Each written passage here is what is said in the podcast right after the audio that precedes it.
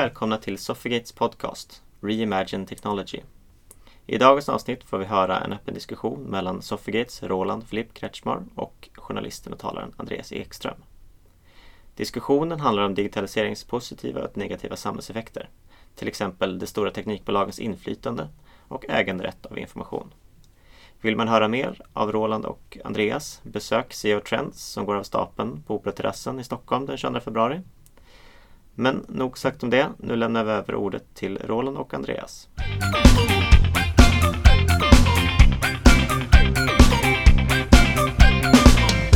Alright, härligt Andreas. Kan inte du börja med att berätta några korta ord om dig själv? Absolut. Jag är journalist och lokalreporter från början. Gått den långa vägen. Började på lokaltidningen hemma i Kungsbacka på västkusten när jag växte upp. Gick i nian. Började skriva fotbollsreferat och musik och sådana saker. Sen har det ena lett till det andra i eh, sådär 30 år. Och eh, jag är reporter på Sydsvenskan. Det är mitt dayjob som jag tycker väldigt, väldigt mycket om. Men jag har varit tjänstledig nu några år i allt väsentligt för att ägna mig åt en sorts kombination av föreläsningsverksamhet och utbildning och en del konsultuppdrag som alla har att göra med den digitala revolutionens påverkningar och då, och då egentligen inte ur teknisk synvinkel utan mer samhällsanalytisk. Och då tänker jag så här, vad tusan ska du prata om på CIO Trends den 22 februari? Det kanske du inte vill dela mer av? Jag kan, jag kan ge lite, lite bakgrund i alla fall till hur jag tänker. Det blir ju en, precis det här som, som jag var inne på nu, att jag försöker hitta effekterna av en stor teknikomställning som vi lever i. Var finns de olösta problemen? Var finns de stora politiska sakerna som vi måste prata mer om bara för att vi inte har pratat tillräckligt? Vi har inte kommit på hur vi ska göra. Vi har inte löst de här problemen än. Jag har en föreläsning som, som heter Sju sätt att äga världen som ringar in sju stycken sådana frågor. Några mm. större, några mindre. Där jag tror att vi kommer att se enormt mycket aktivitet framöver på, på olika sätt. Då. Om du är någorlunda väl insatt i de här sju frågorna, någorlunda väl positionerad i dem, så kommer du att kunna göra nytta i, på jobbet men du kommer också stå lite bättre rustad som medborgare och idealiskt så ska vi kunna både och. Så jag ger en sån liten exposé över det som jag tycker är de, de kanske sju mest intressanta frågorna just nu. Mm. Vill du dela med dig lite kort om en av de sju? Mm, kan jag gärna göra. Mm bara för att ta en i höger då, den som jag tycker kanske är mest aktuell och, mest spännande. Mm. Så, så är det en, ett sätt att äga världen framöver då. Det kommer ju vara att, att hitta det bästa sättet att tjäna pengar på våra pengar. Det pågår en oerhörd eh, transformation i bank och finanssektorn och de har kunnat ta det rätt lugnt rätt länge. Va? Kunnat mm. titta på alltså, kulturbranscherna fick sig någon gång redan på 90-talet. Bank och Finans har haft sitt speciella förtroendekapital. Att vi, att vi har inte velat ge våra pengar till någon vilken startup som helst. Så de har kunnat ta lite längre tid på sig. Och nu ser man hur otroligt mycket händer där på kort tid. Vi har förstås blockkedjan och de olika kryptovalutorna. Mm. Men vi har ju också då eh, andra teknikaktörer som kommer in och, och vill att med Google och Apple och deras lösningar som vill att vi ska betala via dem eller hos dem. Mm. Ytterst blir det här en fråga om kontroll av hela det monetära systemet och privattransaktionerna här och Swish där och mikrolån där. Va? En enormt stor sektor som, som har jättestora affärsmöjligheter i sig men också kommer bli föremål för olika typer av politiska fighter som jag bara tror att vi ser början på än så länge. Just det. Och eh, idag, jag tror det var idag sedan som Nordeas bolånechef sa att bolånemarknaden kommer vara oförändrad om fem år. Hur skulle du vilja kommentera det? svårt att bedöma sånt där eftersom, eftersom eh, han vet förmodligen bättre än jag hur, hur det ska bedömas. Samtidigt så har han ett starkt intresse i att det ska vara ungefär som nu därför att bankerna har vinstmarginaler som många uppfattar som ja, men närmast stötande. Ja? Men att tjäna pengar på våra pengar har alltid varit en bra idé. Mm. Att låna ut pengar eller att ställa sig i mitten av en transaktion och vara ett kreditkort eller att vara Paypal eller vad det nu har varit. Det har alltid varit en bra idé. Eh, och det är klart att Nordea vill fortsätta att göra det på olika vis. Men, men frågan är jag menar, är man Nordea idag så kanske man måste inse då att, att människor kommer att organisera sig själva i bankliknande former. Det vill säga, vill jag låna till att köpa ett hus eller en lägenhet så kommer jag kunna göra det via ett stort Facebook-nätverk istället mm. där vi lånar av varann och det är mycket, mycket mm. mindre räntenivåer till exempel. Ja, och är vi nöjda med det så, så behöver vi ingen bank alls. Mm. Och då måste Nordea ställa sig frågan vad kan vi hjälpa till med i en värld där folk gör så? Finns det någonting som vi vet om vad människor behöver och kan som, eh, som vi kan hjälpa till med på ett bättre sätt? Ja, kanske. Mm. Ser vi verkligen att då medborgarinflytandet ökar med, med hjälp av blockkedjan och kryptovalutor? Jättesvårt att säga det. Än så länge är det ju en liten, liten elit som Mm. vet hur man gör och som förstår vad detta är ens. Va? Jag tror att ett råd man kan säga i alla fall är jag tror att block, vad block, vi ska ha blockkedja till som Mm. teknik. Det är vi inte på det klara med än. Mm. Eh, Valuta har visat sig vara ett sätt, eller rättare sagt ett spekulationsredskap närmast idag. va? Det är inte som att man går ut och köper ett par gympadojor på nätet och betalar med en tusendels bitcoin. Det funkar inte så. Utan det här löser andra typer av problem. Så jag tror att det, det kloka är nu att inte titta på det som hypas precis just nu. Utan Mm. titta lite vid sidan av. Mm. För att se så säga, vad vi kommer att ha det till. Så det är lite tid- tidigt att gissa än. Det är en spännande teknik. Men, men vad vi ska ha den till, det, det vet vi nog inte än. Man brukar ju prata om att blockkedjan är det nya internet. Ligger det någonting i det? Eller är det liksom en, en missvisande jämförelse? Alltså det, det, det finns ett nytt, en ny hype varje år. Va? Mm. Eh, det, det finns alltid någonting nytt att tala om som kommer att förändra allting. Vi har hört sådana där termer och, vi, och de har varit bra på vissa sätt. Va? Men Mm. för, om vi tar några år sedan, en term som vi redan har slutat använda egentligen. Big data. Mm. Det är stora datamängder. Och, och, och jag menar, det är fortfarande superrelevant på så vis att med stora datamängder Mm. så kan du naturligtvis göra jätteintressanta analyser. Men det har alltid varit svårare att göra bra analyser än att samla in data. Ja.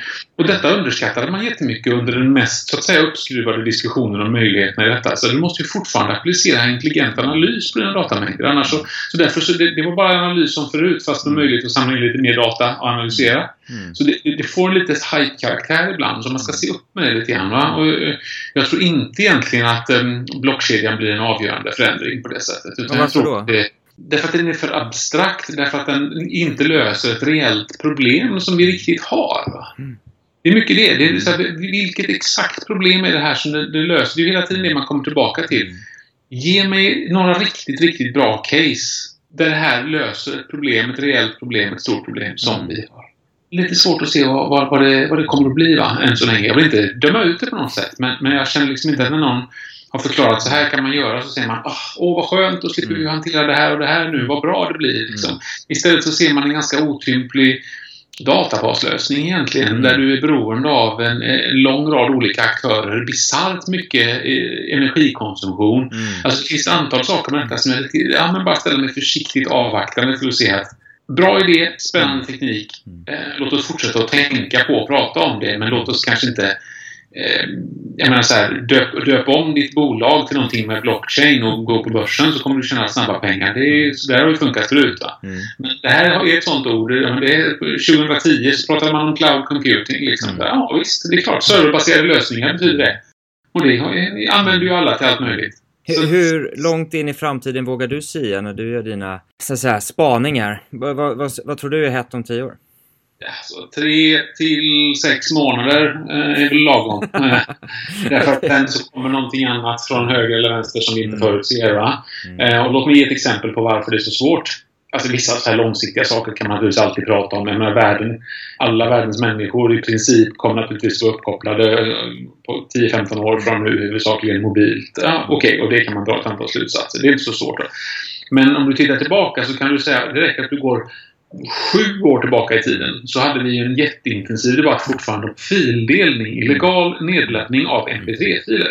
Och det, var- men då så var det någon som sa så här, men ska man inte bara kunna ha alla filerna samlade centralt och så kan man liksom strömma ut dem till, till folk och så kan man räkna hur många gånger de spelas och så får upphovsmännen betalt och alla gör rätt för sig och så har vi en jättebra lösning. Ja, det är en jättebra lösning, men det är ju bara en lösning för, för kontoret och hemma. För man kommer vilja lyssna på musik på stan och då kan man ju inte göra så. Nej, för vi hade inte fantasi nog att tänka oss att vi skulle ha bandbredd nog Mm. mobilt för att kunna strömma musik. Mm. Och det tog, sen tog det två år och sen var Spotify fullständig standard. Därför att då hade vi den typen av bandbredd. Då hade vi den typen av kraft i telefonerna. Så vi kunde göra det. Och det kunde vi föreställa oss två år framåt i tiden. Och det tycker jag man ska dra en viss ödmjuk lärdom av. Mm. Alltså, vi, vi hade en diskussion som byggde på ett antal tekniska... Alltså hela, hela debatten om illegal fritidning byggde egentligen på en låsning kring vår egen otillräckliga tekniska fantasi. Mm. Då tänker jag så här att det skiftar ju också lite i attityd och, och åsikt kring eh, bolag och framförallt the big five eller the big six som du själv brukar säga med, med Alibaba inräknat då att för då 5-10 år sedan så var de hjältarna. Idag börjar man se en backlash. Eh, du har själv pratat om i olika podcasts som jag har lyssnat på om ehm, riskerna med att the big five så att säga boxar in oss i sina ekosystem. Skulle du kunna utveckla det resonemanget lite? Ja visst, alltså min gru- min grundläggande oro här då kan man väl säga det är helt enkelt att eftersom vi har ett litet fåt. Vi har närmast ett, ett konsumentinternet som bygger på ett oligopol idag. Det är Google, Facebook, Microsoft, Apple, Amazon, någon mån Alibaba. Du kan lägga till fem till va, som är väldigt tunga spelare. Mm. De definierar vad vår internetupplevelse är och blir. Och ingen uppfinner idag någonting som inte är kompatibelt med det här ekosystemet. Så det, det är egentligen det att vi begränsar innovation på grund av detta. Därför att om du kommer, om du är två personer i ett garage som har kommit på en fantastisk grej som inte går att köra på datorer med Microsoft-produkter i för det exploderar alltihop. Men då kommer ju ingen riskkapitalist att säga ja, men här har ni 10 miljoner utvecklare. De kommer ni är dumma i huvudet. Det där måste ni fixa. Mm. Ni måste anpassa er mjukvara så att inte den stör Microsofts mjukvara. Så det uppstår liksom en passiv, som inte Microsoft nödvändigtvis vill, vill ha ens. Mm. Men det uppstår en sorts passiv begränsning av vår, vår, vårt utvecklande. Därför att, jaha, det går inte att hitta er tjänst via Google. Ja, då finns den inte. Då kan vi inte bygga den. Eh, så det, det är liksom den dåliga effekten vi får av det här oligopolet. Och monopol är alldeles fel att säga, men det, det är liksom uppdelat. Liksom hårdvara, mjukvara, sök, socialt. Det är några, några stora som redan har liksom bestämt vad det ska vara. Mm. Å andra sidan så tänker jag så här att kan det vara så att det är företag som i allt större utsträckning tar över demokratiseringsprocessen i världen? Mm. Alltså man ser en, en åtgång till nationalstaten i, eh, samtidigt som de, de här stora företagen då driver på demokratisering globalt sett. Mm. Så- Precis, det, Mm. så är det. Och det, Mm. det är en jätteintressant observation. Jag delar den till stor del. Eh, om man tänker sig, vad har hänt de senaste tio åren? Då skulle jag säga, jo, den traditionella politiken har inte lyckats med att leverera lösningar som folk vill ha. Mm. Vad har folk gjort då, inte minst i Europa? Jo, vi har vänt oss till populistiska partier på ytterkanten. Mm. Och i USA, vad har man gjort där då? Där har man vänt sig till Silicon Valley. Och så säger man till Elon Musk inte oj vad du är bra på att bygga företag. Utan man säger, skulle du kunna vara Gud också? Eller Jesus åtminstone? Mm. Gå på vatten, lösa lite världssvält, lite sådana Mm. grejer. Karl är en begåvad ingenjör och företagsledare. Mm. Han, han, han är trots allt inte FN. Men vi har tappat då någon typ av tro, eller delar av oss har gjort det eh, på de här Mm. klassiska institutionerna. Så därför söker vi oss då nya ledare på något sätt. Och då har den pendeln nu slagit ganska långt åt det hållet. Så, att, så då börjar liberalare krafter vakna till och säga stopp ett litet ögonblick. Så här, vi vill nog inte riktigt ha det heller. Och då ser man ju då den konservativa approachen på detta. Då, är det, då vaknar EU och säger att vi kanske måste reglera hårdare, vi kanske måste beskatta på ett rättvisare sätt, vi kanske måste göra andra saker. Och då, då är för oss som tycker om teknikbolag och för oss som tycker att det är spännande vad som händer där och ser vilken utveckling som vi har gett världen. Så gäller det ju att bidra till en samhällsdebatt där den här pendeln nu inte svänger allt för långt tillbaka åt andra hållet heller. Utan att vi får någon typ av sund mark här i mitten där vi kan säga att vi måste skapa förutsättningar för de både små och stora företag, till exempel genom att bibehålla nätneutralitet och på andra sätt. Vi måste se till att det finns förutsättningar för dem att verka och bygga de grejer som samhället behöver.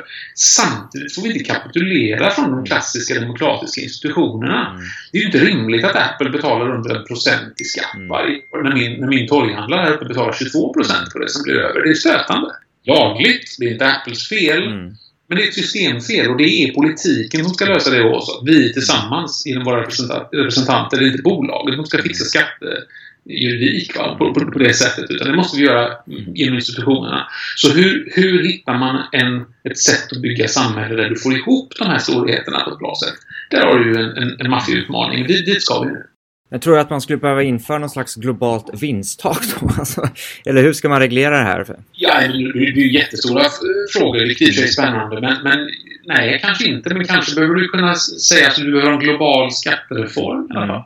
Du behöver kanske kunna säga så här att men vi har inga räntesnurror, vi har inga Caymanöar, vi har inte den typen av, av lösning. Utan ett bolag som har redovisat en vinst betalar 8% i skatt på den var det än finns i världen. Eller 10 eller 12 eller vad det nu behövs. Och då kommer det sluta med att 5% av världens alla bolag betalar lite mer. Och 95% av alla dessa små startups och små frukthandlare, vad det kan vara, kommer att betala mindre. Mm.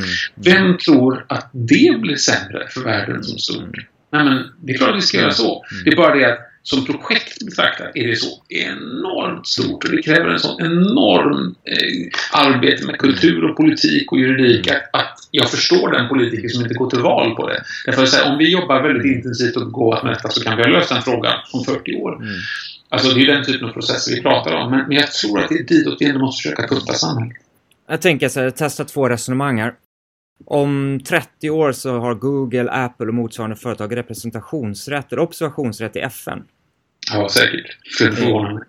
Och det andra scenariot är att vårt system så att säga, monteras ned och byggs upp igen och där blockkedja och kryptovaluta och allt är i början på det här då. Vad tror du är mest eh, sannolikt? Ja, då är vi ju igen här på det här med långa framtidsprognoser, mm. vilket alltid är så svårt därför att någonting händer som förändrar mm. förutsättningarna för hur vi gissar. Till att börja med så tror jag man kan vara säker på att det blir aldrig fullt så bra eller fullt så dåligt som man tror. För diskussionen skulle det ju bra att ta både utopi och dystopi. Mm. Men vi hamnar aldrig där. Men nu har vi Donald Trump varit president i USA i ett år och världen har inte gått under. Mm. Det är mycket som behöver lagas efter ett år. Men världen har inte gått under. Vi har inte sett ett nytt storkrig.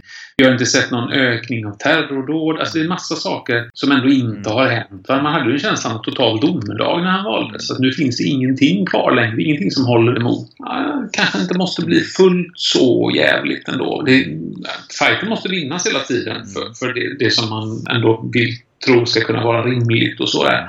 Men eh, man ska ta det lite lugnt med både utopier och dystopier. Mm. Sen var det du är inne på där liksom med politiskt inflytande från stora företag. Mm det är ju redan så stort fast det görs ju i, i mera korrupta termer. Alltså det, det görs ju sån enorma insatser för lobbning. Så Google är den största lobbyisten i Washington. 100 anställda eller mer och enorma ytor och sjuka pengar på olika sätt. Och det handlar ju inte om pengar i ett kuvert. Det är ju inte så som korruption går till idag. Det är inte så som lobbning går till idag. Vill man titta på det mest intressanta exemplet på hur aktiv lobbyism fungerar i Sverige just nu så ska man titta på kampen för att slå vakt om privat privata bolags möjlighet att tjäna pengar på offentliga medel. Det vill säga friskolor och, mm. och eh, privat vård och den typen av saker. Jag har, in, jag har inga starka åsikter i någon riktning om detta, vill jag bara betona. Utan det, finns säkert alldeles utomordentligt bra skäl att ha en del friskolor kvar och alldeles utomordentliga... Så, jag har inga starka synpunkter på det. Men jag ser lobbyismen. Mm. Det är så mycket pengar som står på spel att de här bolagen är beredda att skicka fram otroligt många röststarka personer för att på olika sätt göra en tagning av så åh, vi kan driva det här effektivare. Så, nej, men vad du säger är att du kan lägga ner ett skolbibliotek, ja. Då driver du skolan effektivare, absolut. Men vet ni vad? Det är det vi kallar för målkonflikt. Det ena verksamheten, nämligen den offentligt drivna verksamheten, har som mål att bedriva utbildning för barn. Och den andra har som mål att skapa värden för aktieägarna. Det är en målkonflikt. Man kan ibland klara både och. Men det slutgiltiga målet med att verksamheten finns är ett annat. Va? Och detta eh, försöker man på olika sätt att diskutera bort. Man kan kanske ha rätt i vissa delar.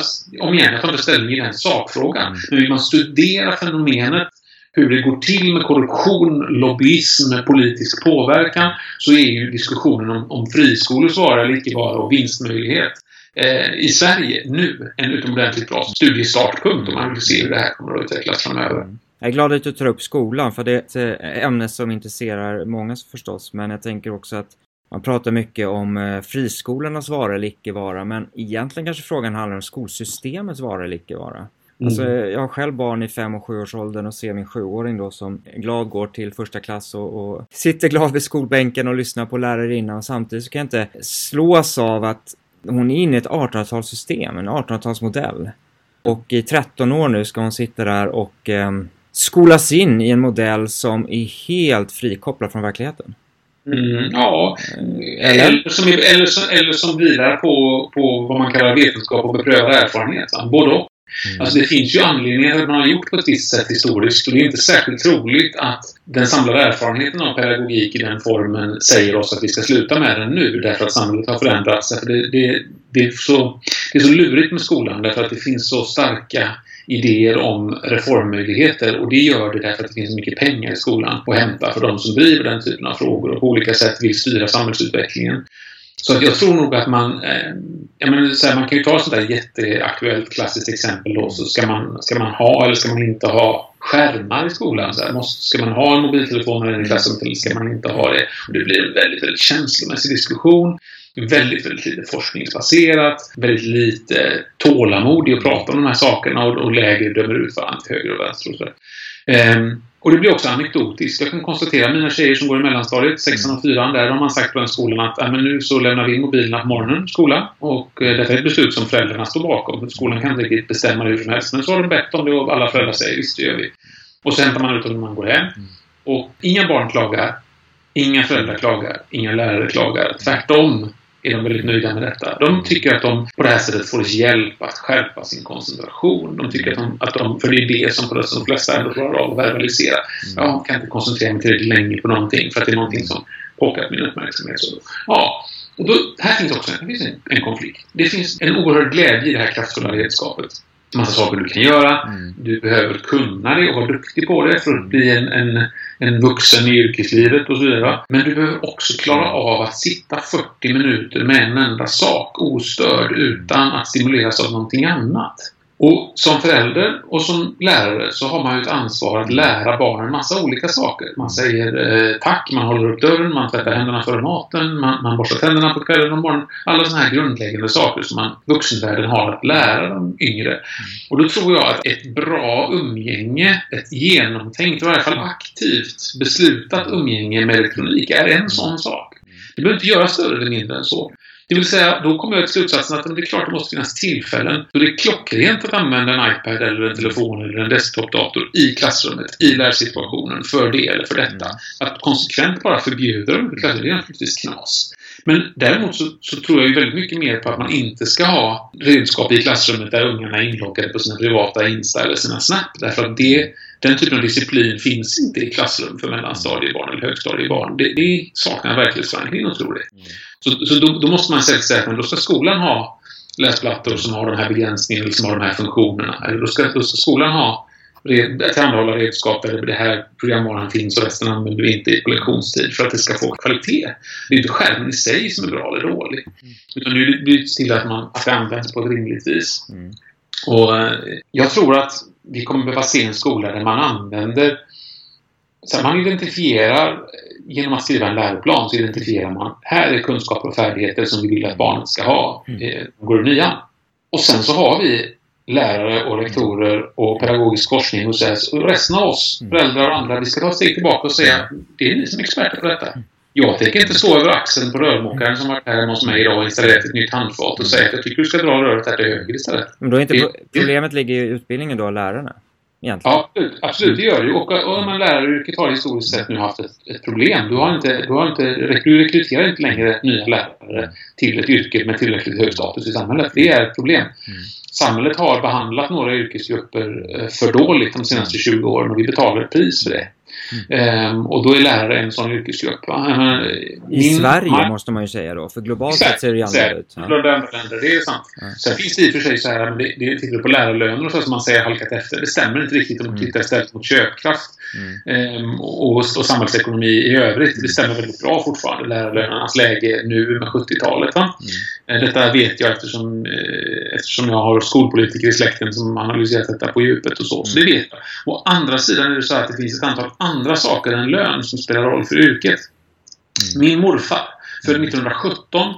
ville bli lärare. Men så kom han ut i yrkeslivet då på 30-talet. Då var det osäkert och då sa hans föräldrar till honom ah, lär dig ett hantverk. Mm. För det är säkert. Det kommer alltså, han blev målare istället för lärare som han egentligen ville. Mm. Och det ångrade han hela sitt liv. Och sen så fick han ett barn, min mamma. Mm. Och så sa han till henne att men du har chansen. Mm. Bli lärare. Mm. Därför att det är statligt, det är säkert, det är knutet till en viss samhällelig status, det är betydelsefullt, du har ett långt sommarlov, du kan jobba var som helst i Sverige. Alla de här fördelarna. Mm. Och alla de fördelarna du just hörde mig räkna upp, i princip är allihop borttagna. Mm. Och då, då, handlar det inte om lön, utan då handlar det om att säga att ja, okej, det finns andra privilegier här. Du får jobba lite längre vissa veckor, för du måste tidigt, tidigt på morgonen och så är det så här. Men å andra sidan så får du lite längre sommarsemester och så. Ja, men det får man inte riktigt längre på samma sätt. Fortfarande något längre, men inte ett sommarlov på det gamla viset. Och det är inte heller en statlig anställning som gör att du är flyttbar över landet på samma sätt, utan du är beroende av varje enskild kommun. Mm. Eh, statusen har vi redan pratat om. Det finns ett antal andra faktorer som gör att, att läraryrket helt enkelt inte lockar den där riktigt duktiga eh, gymnasieeleven som är, börjar bli 17-18 och säger så här, nej, jag ska bli lärare. Det här är liksom ett alternativ. Jag kan bli jurist eller jag kan bli eh, revisor eller jag kan bli det här och det här och så lärare. ett av de där. Liksom. Det är inte så. Det är inte vad toppbegåvningarna oftast säger att de vill hålla på med. Och det är annorlunda mot hur det var förr. Men hur rustade är då de eh, skolelever som går ut skolan i, alltså om man tittar eh, bemöta digitalisering som sker i samhället. Man pratar ju väldigt mycket om digitaliseringens effekter på arbetsmarknaden men mindre utsträckning tycker jag digitaliseringens effekt på nyexade studenter. Ja, och det är så svårt att veta det därför att eh, om du, om du som jag tillbringar för mycket tid med din mobiltelefon i handen. Jag upplever att jag gör det. Det blir en, en lättja, en vanesak, ett vilosak. Alltså jag, jag tränar på att lägga ifrån mig den mer. Jag tycker det är svårt. Mm. Um, det, frågan är vad jag lär mig. Frågan är så att säga hur förberedd jag är på yrkeslivet av att ha kollat för mycket YouTube. Det är, alltså dagens elektroniska eh, leksaker och hjälpmedel är inte av karaktären att man liksom lite i förbigående råkar lära sig att laga eller bygga avancerad elektronisk hårdvara eller kunna skriva programkod. Det, mm. Ett flitigt användande av en iPhone hjälper inte ett skit med det. Mm. Och, det och, och, ibland så är det som att vi låter det där hänga ihop. Om oh, de måste kunna teknik, så låt dem hålla på med sin iPhone.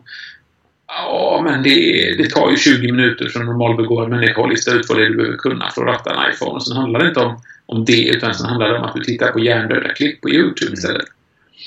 Och, och, då, och då har du lärt dig. Frågan är liksom så här, om det finns en liten så religiös teknikuppfattning där. Om att liksom att, åh, vad bra att vi har det här. För då lär de sig teknik. Va? Jag tror att man måste mm. Gå tillbaka till som här grundläggande färdighetsfrågor. Kan du analysera? Kan du förstå? Eh, kan du bedöma vad du behöver för att kunna lösa en uppgift? Kan du tänka kritiskt? Kan du söka källan? Kan, vet du vart du ska bege dig om du behöver hjälp med detta? Mm. Förstår du? Så här, den typen av klassiskt kritiskt tänkande och så en del färdighetsprövning förstås. Läsa bra, skriva bra, räkna bra för att det är det redskap du behöver för att ta dig an allt annat. Mm. Det går naturligtvis att diskutera, man säger, ska vi ha programmering i skolan? Så, ja, det är klart man ska ha en grundläggande orientering om, om programmering i skolan, men en försvinnande liten del av oss kommer att hålla på med programmering. Okej, okay, men då är vi inne på något väldigt spännande här. För det, allt det vi pratar om leder ju då till den här dystopin att 99% av världens befolkning inte behöver jobba i framtiden. Mm. Eh, och sen har vi 1% som kontrollerar och äger robotar och AI och allt. Men då är, alltså, är det då så negativt att vi sakta men säkert leds in i det här lättjans dimma Nej, alltså det, det är ju jättesvårt att säga för då är man tillbaka på precis detta liksom, vilket samhälle kommer vi att ha. Men till början kan man ju säga så här, om det nu stämmer att vi kommer att jobba mindre då kanske vi måste gå ditåt att vi ska ha medborgarlön, basinkomst, den typen av saker för att människor ska kunna försörja sig utan att blir inbördeskrig. Men det betyder också att du måste reformera skattesystemet igen. Då kan du inte ha skatt på arbete som ett sätt att finansiera försvar och vägar och vård. Därför folk jobbar inte. Utan då får du istället beskatta kapital eller vinster i bolag på ett annat sätt. Då måste du tänka att det ska stå för de här finanserna. Då kanske du måste knyta det hårdare till olika nationer. Då kanske nationer inte är det bästa sättet att organisera oss längre. Det drar iväg och blir så väldigt stort. Samtidigt också så att man, man, man får inte glömma att just nu befinner vi oss i en tid när man nästan hur man än mäter så är det bättre än det någonsin har varit. Och det finns bara ett undantag och det är visserligen stort och det är miljöerna. Mm. Alltså, det, det, verkar som att den, så att säga, den liberala marknadsekonomin är oöverträffat bra på att skapa mm. välstånd för fler och dra människor ur fattigdom och hindra svält och sjukdomar och så här, Men på bekostnad av att vi pajar planeten. Kan vi göra det här på ett, på ett hållbart sätt? Att det inte bygger på en hjärndöd masskonsumtion av föremål eller vad det nu är som egentligen är motorn i allt detta. Mm. Hur får vi till det? Så att vi klarar av att bo här på lång sikt på den här planeten. Mm. Samtidigt som folk inte behöver svälta. Så hur, hur, löser man det? Hur, vilken är den fördelningspolitiska fördelning av pengar, fördelning av resurser, fördelning av fritid att disponera under ett liv? Det, det är stora frågor, men det är ditåt vi är på väg och då har undantaget miljö aldrig varit bättre än nu. Va? Det måste man komma ihåg också. Det borde bli för dystopiska där heller. Jag vågar inte gissa hur samhället är organiserat om, om 10 eller 20 år. Det gör jag helt enkelt inte. Jag tror att det är, någonting inträffar som, som ställer saker och ting på ända. Det är så det går till hela tiden. Jag är bara lite nyfiken, men tycker du då att teknik fördummar eller inte? Ja, det går inte att svara på det eh, så entydigt. Det är mm. väldigt, eh, frågan är väldigt begriplig därför man, har, man vill gärna ha en, en, en enkel ståndpunkt att hålla i. Men så säga, jag är övertygad om att tekniken är av godo nästan mm. alltid för nästan allt. Mm. Innovation, avlastning, processkraft, mm underhållning, socialt verktyg. Det är så mycket bra grejer som händer av detta. Liv räddas och det, det uppstår så mycket bra saker med detta. Men vi ska inte tro att det med per automatik är allt bra som kommer den vägen. Det är bara det jag säger. Låt oss ett normalt kritiskt förhållningssätt. Och det känns som att vi borde vara förbi den alltför teknikreligiösa tiden. Alltså vad som händer, vad som är skillnaden mellan nu och då det är att om du uppfann någonting genuint banbrytande för hundra år sedan mm då tog det fem eller tio eller femton år innan den här produkten fanns för alla att få. För du behövde bygga en fabrik och ha kapitalet och fixa med patenten och hålla på och hålla på. Och sen så tog det 15 år och sen och under tiden då han resten av samhällets funktioner reagerar. Då han politiken säga, behöver vi reglera detta, juridiken han säga, är det här lagligt, ekonomin han säga, kan, kan vi räkna hem detta, lärarna han säga, hur kan vi undervisa om detta och så vidare och så vidare.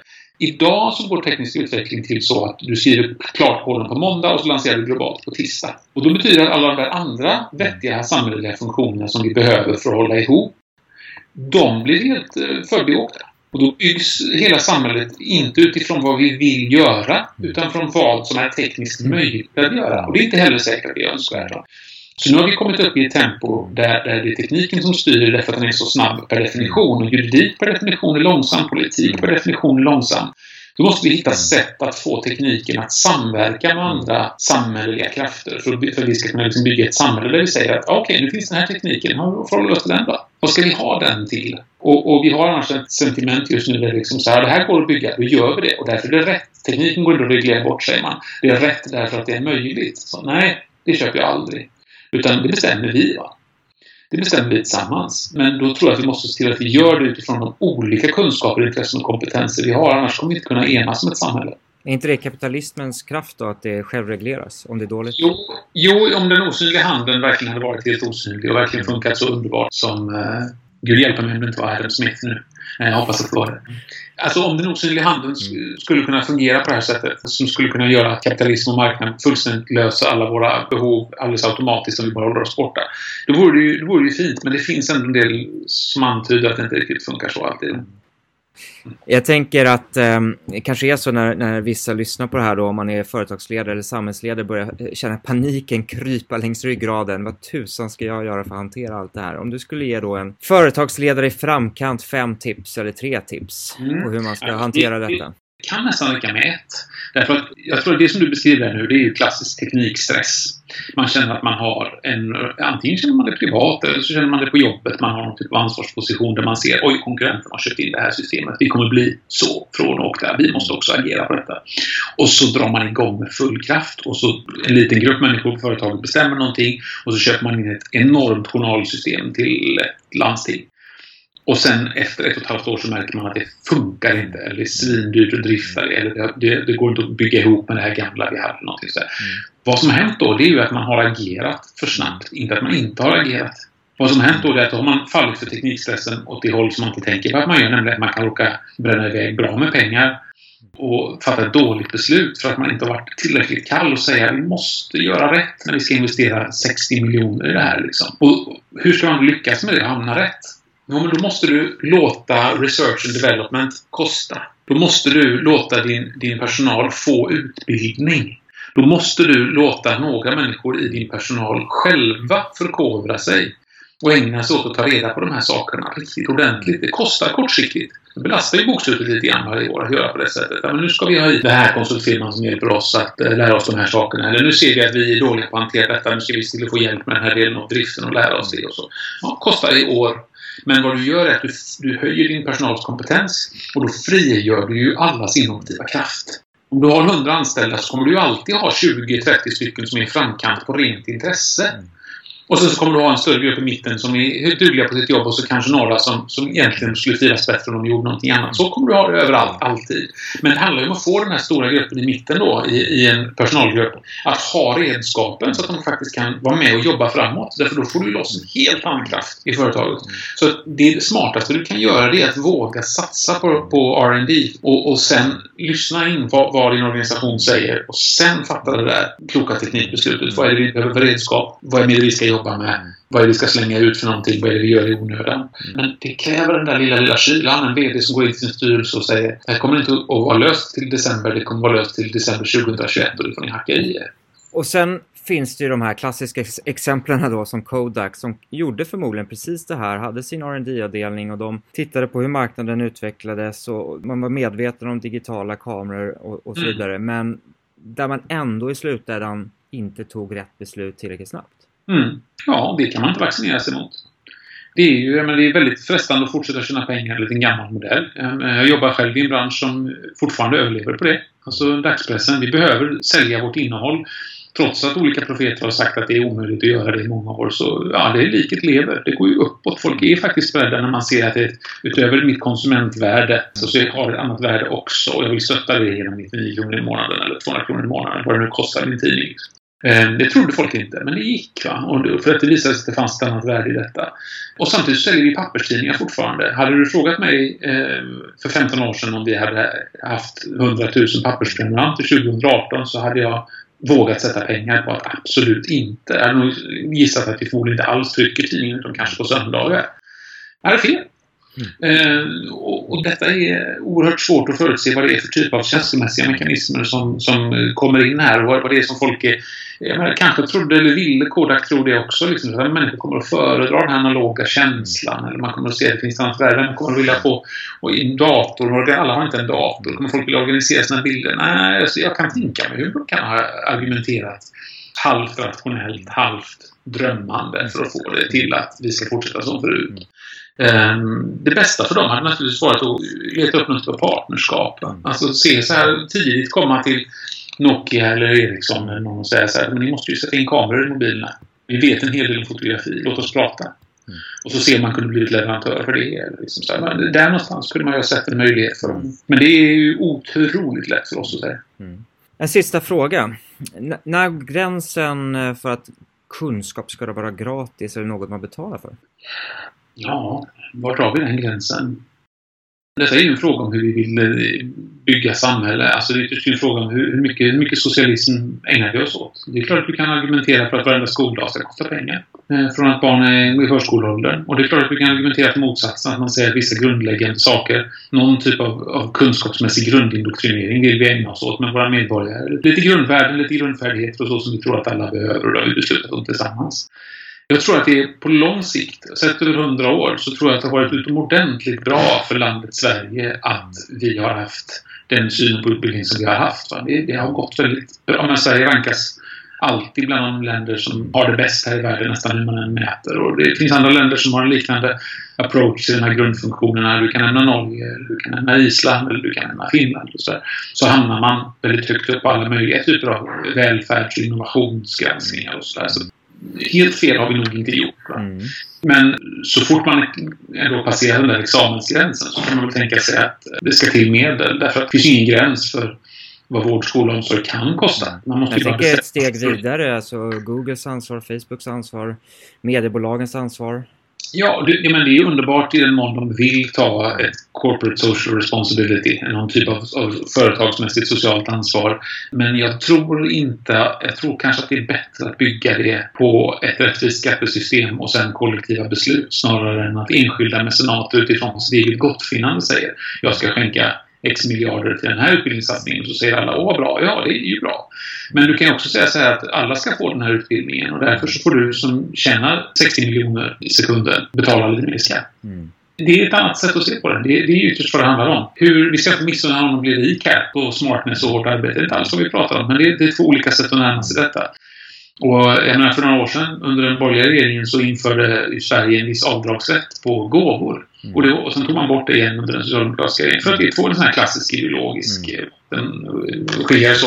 Men jag förvånar mig över att inte det var en av de stora stridsfrågorna i någon valrörelse. Mm. För att det är sånt enormt paradigmskifte mm. att säga att nu ska vi stimulera allmosan mm. och dra tillbaka den kollektiva finansieringen. Mm det kanske är bättre, om igen här, ett sånt här tillfälle, jag tänker inte ta någon särskild eh, åsikt i den sakfrågan. Mm. Men, men vilken enorm ideologisk sprängkraft. Och det var som att vi inte hade tid att prata om det. För, för det där är ju jätte, jättestort i synen på hur vi ska bygga samhället.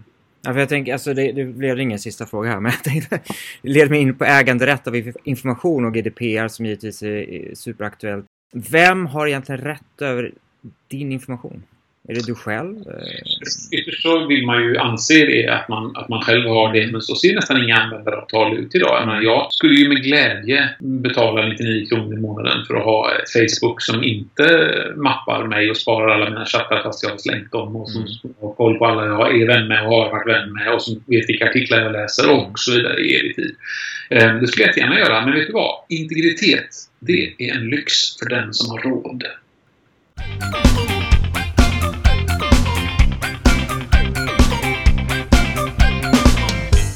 Ett stort tack till Roland och Andreas. Har ni frågor eller kommentarer, hör gärna av er till podcast.soffgate.com. Med det så avslutar vi dagens avsnitt. Tack och hej!